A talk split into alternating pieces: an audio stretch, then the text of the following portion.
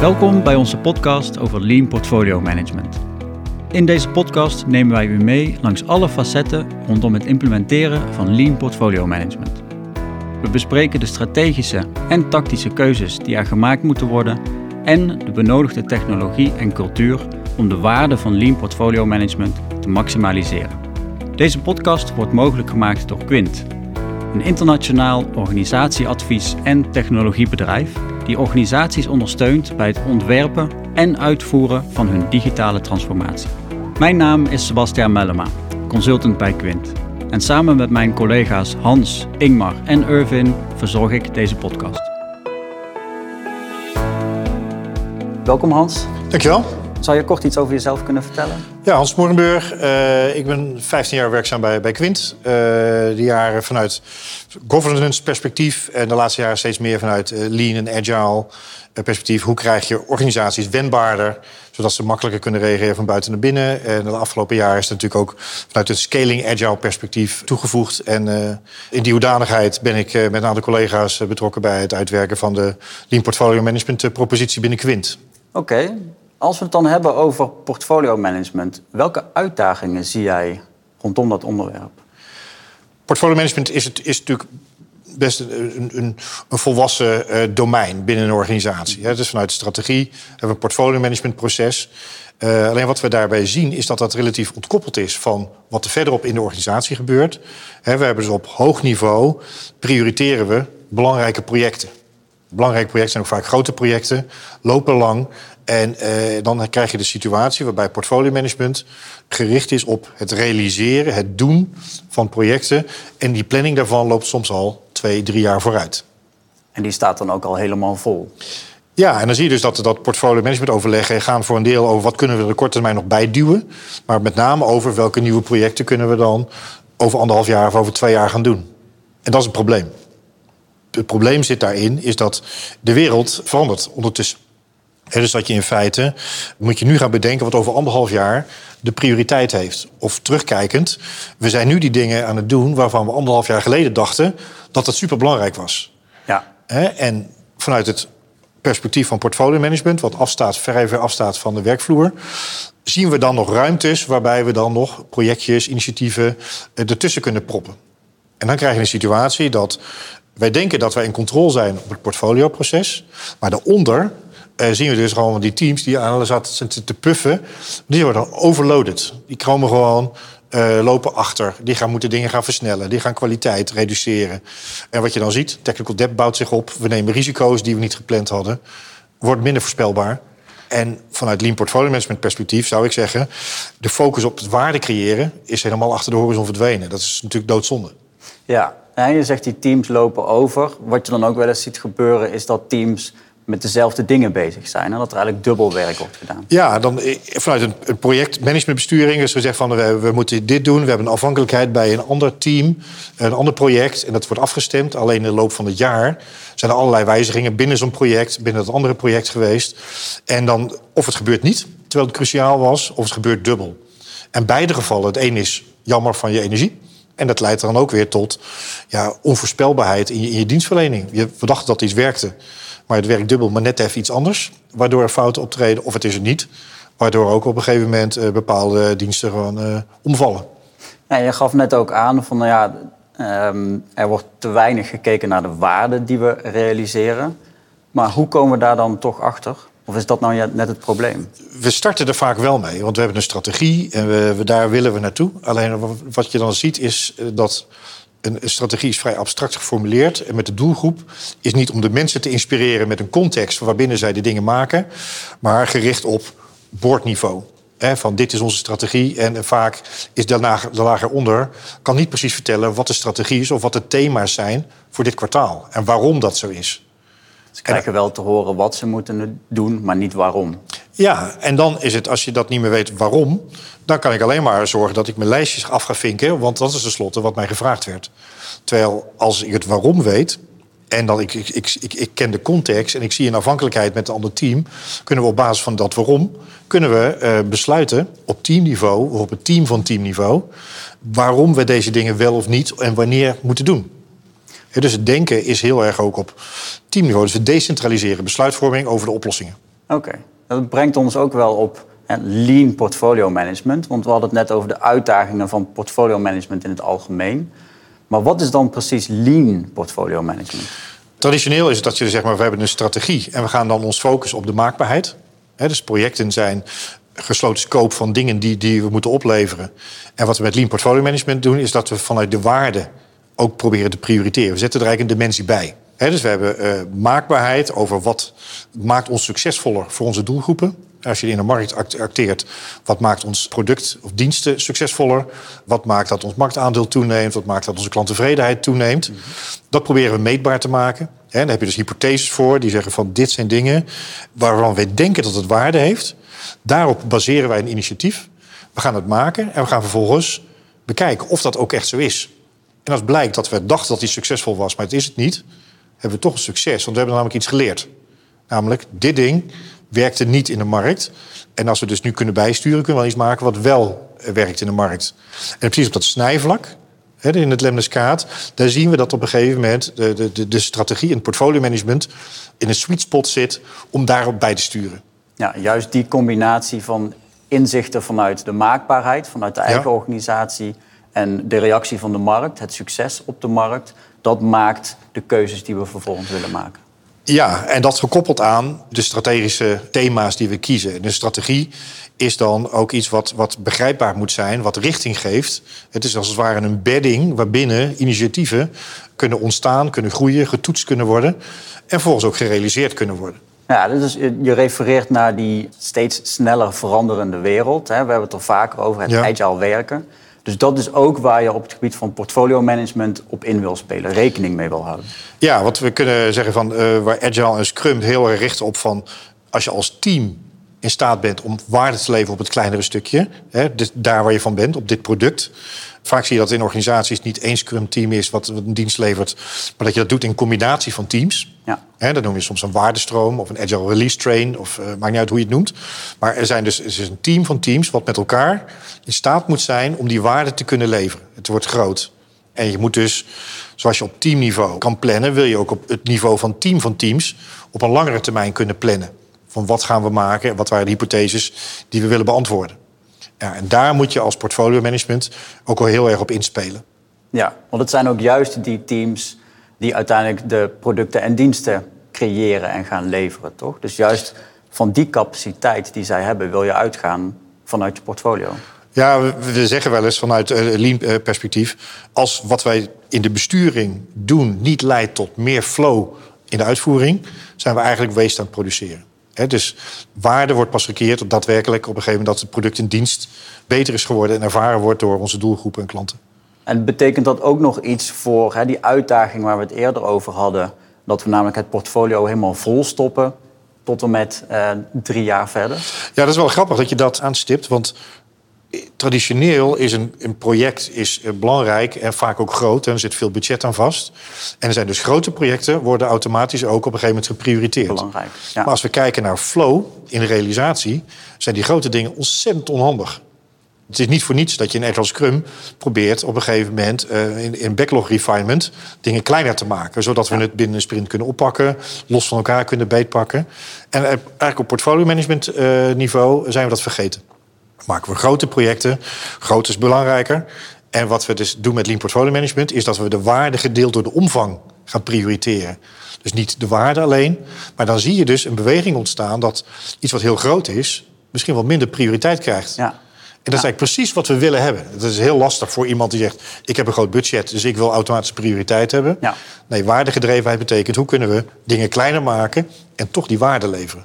En wat daarbij speelt, misschien wel goed om dat aan te stippen, is dat als je op hoog niveau dat doet, hè, dan gaan we over de richting. Hè, de, de epics gaat over de doelstellingen die we neerzetten.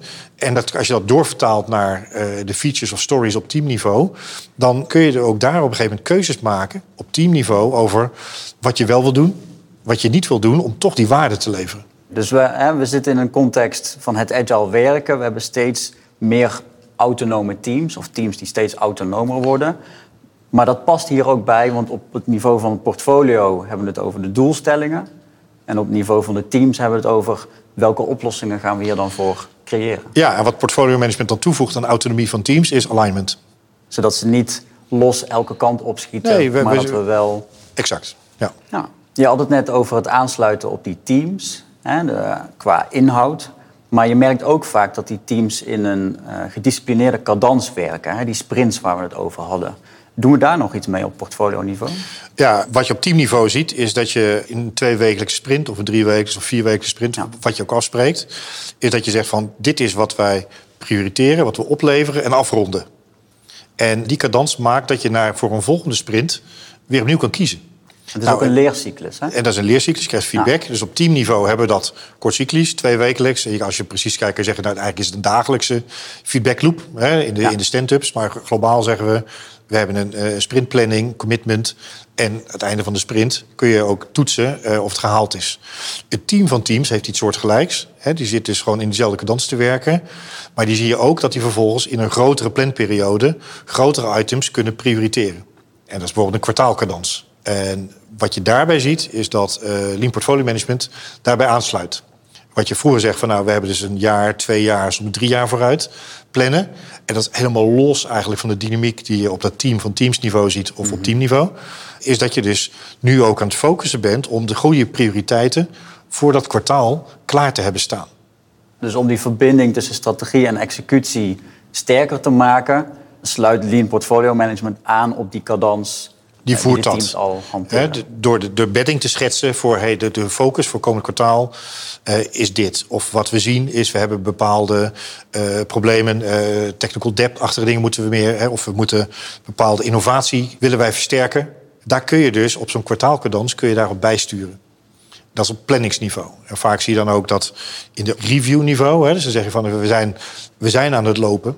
In dat perspectief ben je vanuit portfolio mensen ook aan het kijken van zien we al ontwikkelingen in de markt op maakbaarheid, waarvan zeggen moeten wij onze strategie bijstellen of niet? Ja, Of moeten we hulp bieden om de cadans, de flow van die teams en het eh, weer te kunnen herstellen? ja, dus dat sluit ook aan bij dat hypothese-gedreven werken... zoals je het eerder benoemde. Hypothese gedreven werken, pool vanuit teams. En dat je de cadans probeert eh, te versterken, zodat de teams in flow kunnen leveren. Als we dit dan alles beschouwen... wat is uiteindelijk wat dit oplevert voor ons? Enerzijds dus, we kunnen meer kiezen op kortere termijn over waar we als organisatie eh, ons naartoe willen bewegen en daarop kunnen richten. En dat kunnen we doen doordat wij dus een volledig overzicht creëren. Want ik denk dat dat van belang is. En dat overzicht dat kan volledig zijn, omdat we ook heel, heel veel dingen besluiten om niet te doen. Hè, want dus door die waardegedeelte omvang zullen heel veel zaken zeggen, die doen we nu nog niet. Ja. We besluiten er later over, als het misschien wel bovenaan de prioriteiten komt. Dus we, wat dat betreft proberen we ook de... eh, Eigenlijk het kanaliseren van waar we mee bezig zijn. ja, En niet alles tegelijk doen. Ja, dus, dus dat is er één. We, zijn aan het ontdubbelen. Hè, dus omdat het inzichtelijk is, dan kunnen we zorgen ervoor eh, vermijden dat dingen dubbel gebeuren. Eh, We focussen continu op die hypothese-realisatie. Hè, de businesswaarde staat voorop. Het gaat niet zozeer dat het grootste project prioriteit krijgt. Nee, het meest waardevolle project willen wij dus eigenlijk eh, naartoe brengen. En eigenlijk wat we al een paar keer benoemd hebben... het draait uiteindelijk om dat de teams die de waarde moeten leveren... waar eigenlijk het meeste van het geld in zit... waar we onze producten en diensten mee onder ontwikkelen... ten dienste van de operatie... dat we die in flow laten leveren. Als zij goed hun werk kunnen doen, dan worden we daar allemaal beter van. Ja, en als we daaraan bij kunnen dragen... dan is dat ook eh, een deel van de waarde die we vanuit portfolio management eh, zien. Nou Hans, dankjewel. Ik denk dat we daarmee helder hebben gemaakt wat Lean Portfolio Management is en waarom je ermee aan de slag zou willen. En daarmee hebben we onderdeel 1 afgerond. Gaan we over naar onderdeel 2. Hoe gaan we hier dan mee aan de slag? Daarvoor ga ik in gesprek met mijn collega Ingmar. Dankjewel, Sebastian. Ik ben een collega van Sebastian en Hans. ehm, en hou mij voornamelijk bezig met eh, portfolio management. En daarin een belangrijk onderdeel eh, visual management. Welkom. Interessante combinatie, hè? de portfolio management en visual management. Waarom is visual management zo belangrijk wat jou betreft in deze context? Eh, visual management eh, gaat over het inzicht geven in organisaties eh, waar we mee bezig zijn. Waar we staan in het realiseren van onze doelen. We herkennen vaak dat we projecten hebben in, in Principal Toolbox, denk ik. Maar zien nog niet altijd de resultaten daarvan. En visual management is voor mij een van de succesfactoren om de strategie te koppelen aan de uitvoering. Waarbij Ja, daar waar ik het net ook met Hans over had eigenlijk. Hè? Exact. Verbinding tussen strategie en executie. En visualisatie ondersteunt dan het hebben, het creëren van het overzicht van het portfolio waar we mee bezig zijn. Exact. We gaan het hebben over hoe gaan we dan Lean Portfolio Management aanpakken. Uh, wat jou betreft, hoe komen we daar eigenlijk? We definiëren daarin drie fasen. Eerste is het kruipen, waarin we het portfolioproces met elkaar gaan verkennen. Uh, en ook met elkaar afstemmen welke doelen we, zijn we nou eigenlijk aan het realiseren. In fase 2, waarin we gaan lopen, gaan we ook de stakeholders buiten uh, ons portfolio-team daarin betrekken. Daarin kunnen we onze visie gaan uitdragen en kunnen we ook de stakeholders betrekken in wat we willen bereiken en hoe we die dingen willen bereiken. En zo langzaam komen we in die flow waar Hans het over had, hè, dat teams weten waar ze aan bijdragen. Mhm. Vervolgens in fase 3, dat noemen we het rennen, daarin zorgen we ervoor dat die flow echt ontwikkeld wordt. Krijgen veel meer inzichten in wat de effecten zijn van wat we aan het doen zijn en hoe we daarop kunnen bijsturen. Dus je ziet daarin in die drie fasen eigenlijk een helder, een duidelijk groeipad. Waarin we in de eerste fase focussen op we willen ons portfolio inzichtelijk krijgen. Waar doen we het precies voor? Dat gaan we in fase 2 ook meer uitdragen. Verbinding tussen strategie en executie. En in de derde fase krijgen we er steeds meer oefening in en kunnen we gaan rennen, hè, zoals je dan zegt. Exact. Oké, dan hebben we dus die drie fases. Nou, laten we bij het begin beginnen. Wat doen we precies in fase 1? Fase 1, het kruipen. Het ontbreekt vaak in de organisatie dan nog aan het inzicht. Hè. We hebben een hoog over strategie. Het ontbreekt vaak aan die doelstellingen. Welke dingen willen we nou daadwerkelijk realiseren met welk resultaat? Door het Kanban in te gaan richten, het portfolio Kanban in te gaan richten, ontstaat de eerste vraag. Wat is nou onze strategie en welke doelstellingen horen daarbij? Een workshop faciliteren we dan strategie in één dag, waarbij we de visie omzetten in de strategie. Hoe gaan we die visie realiseren? Maar ook voorzien van concrete doelstellingen. Wat willen we bereiken? Welke MVP willen we testen? Welke hypothesen horen daarbij? En wanneer zijn we succesvol? Ja. Met name die succesfactoren zijn daarin belangrijk. Dus die strategie is een belangrijk fundament voordat je die portfolio Kanban eventueel gaat vullen. Exact. We gaan inderdaad in deze fase het Kanban ook daadwerkelijk opstellen. We gaan ideeën verzamelen in het funnel. En het funnel, die ideeën gaan we toetsen aan de organisatiestrategie. En op het moment dat we een fundament vinden voor het EPIC, want we zijn aan bezig om het EPIC te gaan mhm. opstellen, gaan we deze analyseren met welke hypothese willen we toetsen. Daarin zie je dus dat we strategie koppelen aan doelstellingen. Op het moment dat deze valide blijkt te zijn, we hebben concrete doelstellingen, gaan we deze voorzien in de analyzing fase van een business case. Een business case gaat over hoeveel gaat het kosten en wat moeten we ervoor doen. Op dat moment is uh, het Epic eigenlijk klaar om naar de backlog te uh, gaan brengen. Op het moment dat hij in de backlog staat, kunnen de teams de epics hè, van een backlog afpoelen, zoals we dat noemen. Uh, en daarin gaan deze teams aan de slag met wat willen we bereiken en hoe gaan we deze doelstellingen dan bereiken. Zoals Hans heeft uitgelegd, erg belangrijk voor die teams om op dat moment te weten wat moeten zij gaan bereiken, zodat zij de juiste dingen kunnen gaan doen. Ja, ze moeten weten waarom, waar doen we het voor. Exact. En door op deze manier Lean Portfolio Management toe te passen, het visualiseren van wat willen we bereiken en hoe willen we die dingen bereiken, nemen we experts mee eigenlijk in het formeren van wat moeten we doen om de juiste doelstellingen te realiseren. Ja. En dat maakt het visual management onderdeel in Lean Portfolio Management zo krachtig. Ja, en ik herken ook hè, wat je beschrijft over die Kanban. Um, ook wat ik met Hans besproken had. We gaan niet elk idee volledig uitwerken.